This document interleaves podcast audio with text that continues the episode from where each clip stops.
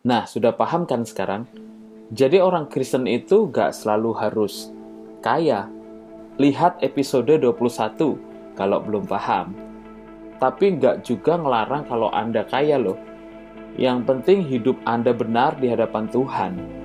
Mau kaya atau enggak, dua-duanya tetap diberkati. Itu hanya masalah anugerah. Nggak bisa kalau saling iri gitu. Namun kalau benar jalan kita, maka mau kaya atau nggak kaya, dua-duanya akan bahagia. Nah, berarti kebahagiaan itu nggak melulu masalah uang atau memiliki banyak hal. Banyak orang kaya yang nggak bahagia, namun banyak juga orang yang bisa dibilang pas-pasan, malah hidupnya lebih bahagia dari orang kaya. Jadi, apa dong yang buat orang bahagia? Wah, ini jawabannya pasti relatif sekali. Menurut Anda? Ya yang real aja lah. Mungkin Anda akan bahagia kalau segala sesuatu bisa tercukupi. Sebagian lagi mungkin akan berkata, yang penting aku disayang aja, aku sudah bahagia. Apa betul?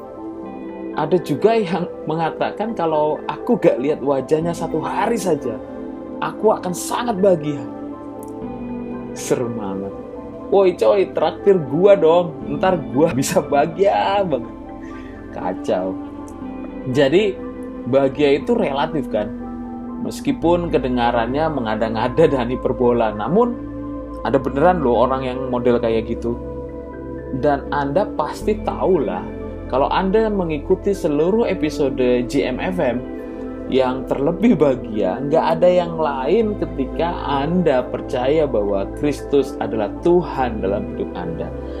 Dan Anda mengalami perubahan hidup Apalagi ketika Anda memperoleh jaminan hidup kekal dari Tuhan. Hah? Apaan itu kak? Nasi goreng campur bumbu rendang. ya, saya asumsikan yang dengar ini pasti paham lah ya. Kalau enggak, apalagi Anda penasaran, oh bagus itu buat Anda. Anda tahu kan harus ke mana? Hello, di bawah ada chat, di atas ada kontak, buruan keburu kiamat. Ya anyway, semua kebahagiaan yang didapatkan di dunia ini semu. Kita juga sudah pernah membahasnya. Hari ini bisa saja Anda bahagia, besok susah lagi. Pernahkah Anda mendapati hari ini susah namun bahagia? Hari ini lapar namun bahagia. Hari ini capek namun bahagia. Hari ini sengsara namun bahagia. Bahkan ada anak Tuhan hari ini mau mati, malah bahagia. Out of the box bener ya. Pernah berpikir nggak? Susah aja Anda bahagia, apalagi senang. Kalau Anda baca kisah-kisah keren pendahulu kita, nabi-nabi Tuhan dan martir-martir, orang-orang yang gagah perkasa yang dipilih Tuhan, sampai anak-anak Tuhan zaman sekarang. Mereka semua berbahagia loh. Mereka semua yang berbahagia karena mereka paham apa yang menjadi rencana Tuhan dalam hidup mereka. Mereka tetap semangat melayani Tuhan karena mereka tahu banget panggilan mereka. Dan mereka semua berjuang dengan keras supaya dengan apa yang mereka punya dan memang itu yang Tuhan taruh di dalam hidup mereka dan mereka gunakan untuk menyenangkan hati Tuhan. Apa mereka semua kaya? Banyak yang enggak. Apa mereka semuanya tercukupi hidupnya? Banyak yang pas-pasan, saudaraku. Apa mereka sempurna dan banyak kemampuan? Banyak juga orang yang biasa-biasa saja, saudaraku. Bahkan banyak dari Anda lebih luar biasa dari mereka. Saya lihat dengan mata kepala saya sendiri.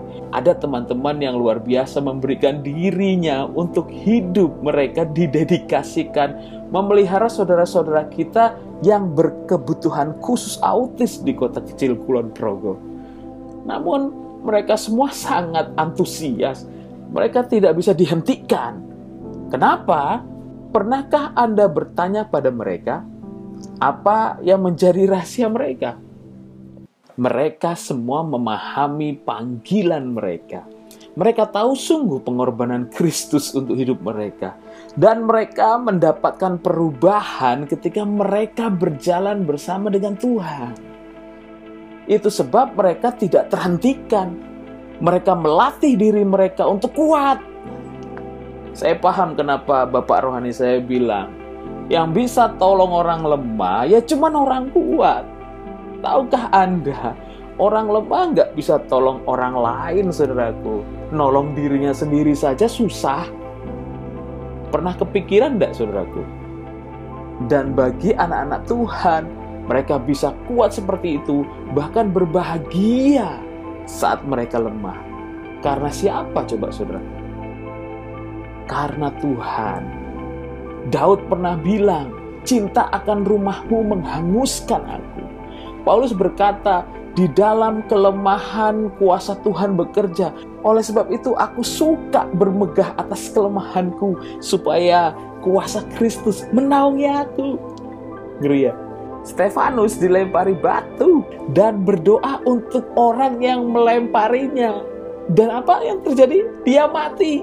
Saudaraku, saudara kira dengan berlaku benar bisa luput dari kematian? Tidak, saudaraku. Dia tetap mati. Namun berbahagia. Enggak logis ya, saudaraku zaman sekarang semua anak-anak Tuhan yang paham maksud Tuhan dalam hidupnya semuanya berbahagia. Tahukah saudaraku itu? Hidup bersama Kristus saya katakan tidak tergantikan. Keren dan gagah.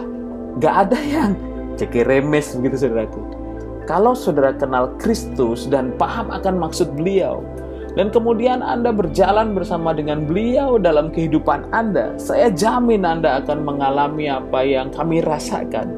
Bahagia kata orang itu nggak bisa dibeli. Mau minta bukti apalagi saudaraku? Sebelum kita akhiri, mari kita baca firman Tuhan yang terambil dalam kisah para rasul pasal 7 ayat 55 sampai 60. Kisah para rasul 7 ayat 55 sampai 60. Tetapi Stefanus yang penuh dengan Roh Kudus menatap ke langit, lalu melihat kemuliaan Allah dan Yesus berdiri di sebelah kanan Allah. Lalu katanya, "Sungguh aku melihat langit terbuka dan anak manusia berdiri di sebelah kanan Allah." Maka berteriak-teriaklah mereka dan sambil menutup telinga serentak menyerbu dia. Mereka menyeret dia keluar kota, lalu melemparinya, dan saksi-saksi meletakkan jubah mereka di depan kaki seorang muda yang bernama Saulus. Sedang mereka melemparinya, Stefanus berdoa katanya, "Ya Tuhan Yesus, terimalah rohku."